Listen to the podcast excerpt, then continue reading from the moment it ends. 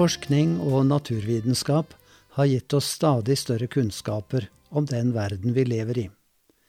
Men blir vi interessert i å vite mer om det som skjer etter at vi har fullført livet på jorden? Det brukes milliarder på å utforske himmelrommet. Men hvor er det blitt av interessen for det som Bibelen kaller himmelen? Selv ikke blant troende mennesker er det stor interesse for himmelen. Men jeg tror det er sant at når Kirken slutter å ha kontakt med den kommende verden, slutter den å ha kontakt med den verden som vi lever i nå. Ja, en annen påstår at å tro på himmelen innebærer ikke å flykte fra livet, men å løpe til livet. En betydelig misjonær som het E. Stanley Jones, holdt i begynnelsen av 1900-tallet en rekke foredrag ved indiske universiteter om evigheten. En gang tok presidenten for et universitet ordet etter foredraget. Han var selv en hindu og sa, hvis det denne mannen sier ikke er sant, så betyr det ikke noe. Men hvis det han sier er sant, så betyr ingenting annet noe. Selv er jeg overbevist om at himmelen fins. Den samme allmektige hånden som har formet alt som er vakkert og godt her i verden, har forberedt en enda vakrere og mer fullkommen verden. Alt det mest dyrebare du kan tenke deg, kan du få oppleve himmelen, bare i en fullkommen form. La oss se litt nærmere på ordene som brukes. Himmelen er omtalt 582 ganger i Bibelen. Det hebraiske ordet er shamayim, og det greske uranos, samme ord som planeten Uranus. Begge ordene i grunnteksten viser til tre steder. Vi har for det første atmosfærens himmel, den kappen av luft som omgir jorden. Her finner vi også fuktigheten som skaper nedbør. Han dekker himmelen med skyer, sørger for regn til jorden, står det i Salme 147. Og så har vi himmelrommet, der planeter og stjerner har sin gang.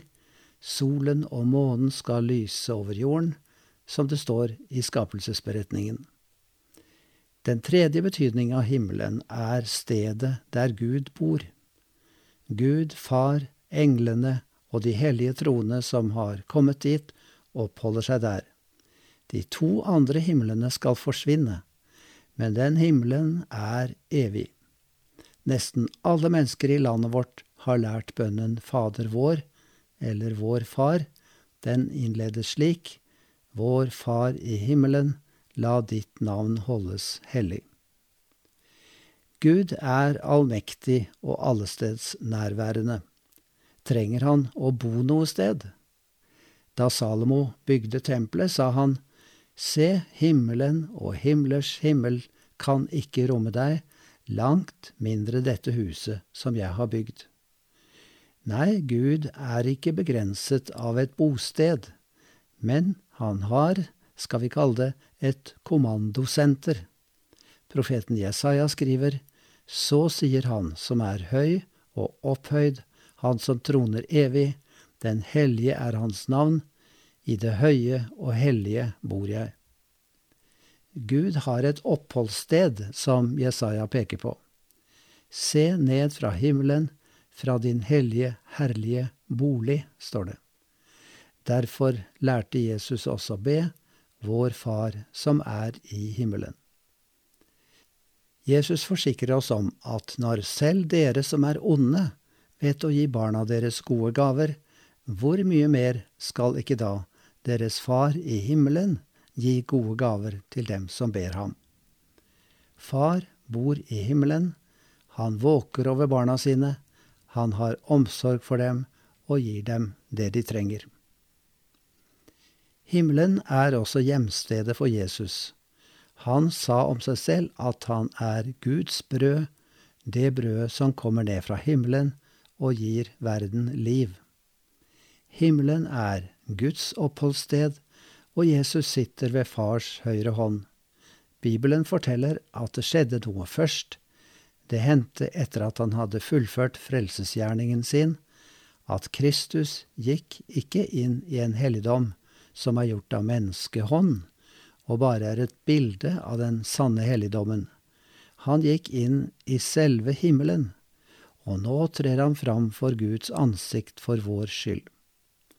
Altså, både vår Far og Jesus er i himmelen, der Jesus går i forbønn for oss. Det er også mange brødre og søstre i Kristus i himmelen. Hebreerne 12 forteller at når vi venner oss til Gud, har vi kommet til forsamlingen av de førstefødte, som er oppskrevet i himmelen. Dere er kommet til en dommer som er alles Gud, til åndene av de rettferdige, som har nådd fullendelsen. De som vi var glade i, og som har forlatt oss i tro på Jesus, er der. Alle gudfryktige som har dødd både før og etter Jesu tid, bor nå i himmelen. Bibelen understreker at navnene våre er oppskrevet der. I Lukas 10 sier Jesus til de disiplene som hadde drevet ut onde ånder, Gled dere ikke over at åndene lyder dere, men gled dere over at navnene deres er blitt innskrevet i himmelen. Da Jesus sa at vennene hans så å si er protokollført i himmelen, bekreftet han at vi har eierrettigheter der. Dette er vår arv, og det står i 1. Peter 1,4 at i Kristus har vi fått rett til en arv som aldri forgår, aldri skitnes til og aldri visner. Den er gjemt i himmelen for dere. Det sies enda mer fint om de evige boligene. Vår borgerrett er i himmelen, ifølge Filipperne 3.20. Vi har reisepass om vi viser at det er himmelen vi hører til i.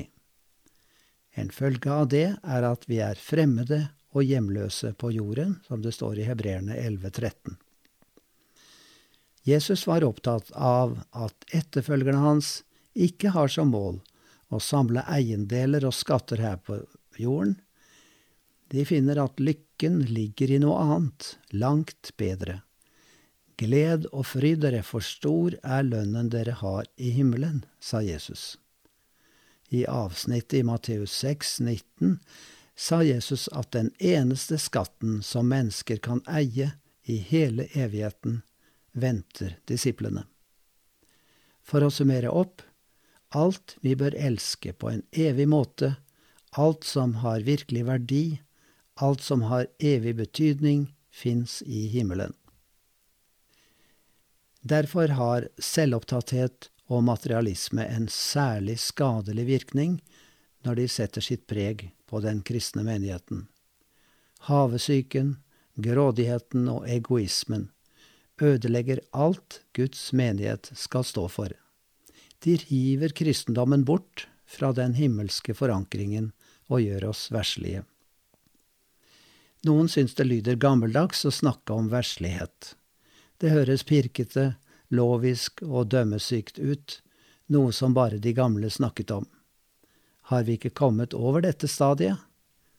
Nei, problemet er at vi er ikke nok opptatt av de himmelske verdiene. Derfor ser vi ikke hvor galt det er å knytte seg for sterkt til de jordiske verdiene. Kjernen i versligheten er kjærligheten til de jordiske ting, dyrking av materielle verdier, opptatthet av hva vi eier eller kan skaffe oss.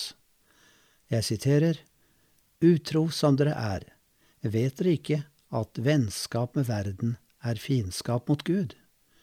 Den som vil være verdens venn, blir Guds fiende, skrev Jakob i brevet sitt. Det er noen som sier at de ikke ønsker seg til himmelen før de har fått oppleve alt som verden kan by på. Ikke ta meg til himmelen ennå, jeg har ennå ikke rukket å komme meg til Rio, var det en som sa. Men Bibelen vil få oss til å se at det gjelder å få sans for himmelen og lengte etter de himmelske verdiene. I første Johannes brev leser vi Elsk ikke verden, heller ikke det som er i verden. Den som elsker verden, har ikke kjærligheten til Far i seg, for verden går til grunne med alt sitt begjær, men den som gjør Guds vilje, består til evig tid. Himmelen må stå sentralt i et kristens syn på livet. Alle har et verdensbilde eller en verdensanskuelse.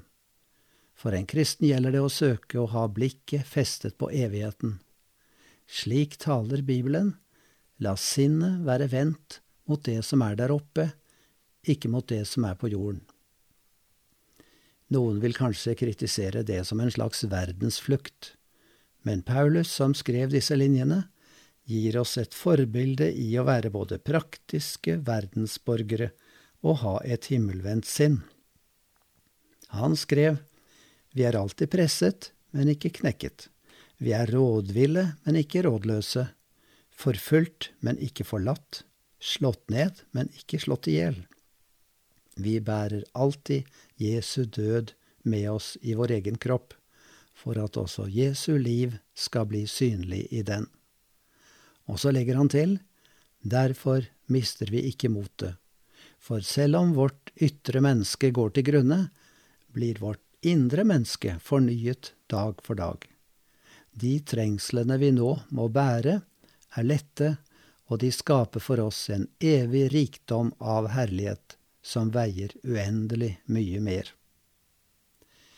Paulus skrev et annet sted, i brevet til romerne, Jeg mener at det vi må lide i den tiden som nå er, ikke kan regnes for noe mot den herligheten som en gang skal åpenbares og bli vår. Både Peter og Paulus skriver at det som vi må gå gjennom her i verden, ikke kan sammenlignes med det storartede livet som venter oss. Dette livet er kortvarig, himmelen er evig. De som holder seg til de usikre verdiene i denne verden, er lite realistiske. I stedet for å se at virkeligheten og de store verdiene venter i himmelen, klynger de seg til de flyktende skyggene av verdier her og nå. De evige verdiene kan vi gripe ved å tro på Jesus. Apostelen Paulus gjør dette klart. Vi har ikke det synlige for øyet, men det usynlige. For det synlige tar slutt, det usynlige er evig. For vi vet at om det rives ned, dette teltet, som er vårt jordiske hus, så har vi i himmelen en bygning som er fra Gud, et evig hus som ikke er gjort med hender. De mest gudfryktige menneskene jeg har kjent eller lest om, har et realistisk forhold til denne verdens verdier, og er overbevisende i sitt syn for de himmelske verdiene. De gjenspeiler litt av Paulus' holdning. Mens vi er her, sukker og lengter vi etter å bli ikledd og omsluttet av vår himmelske bolig.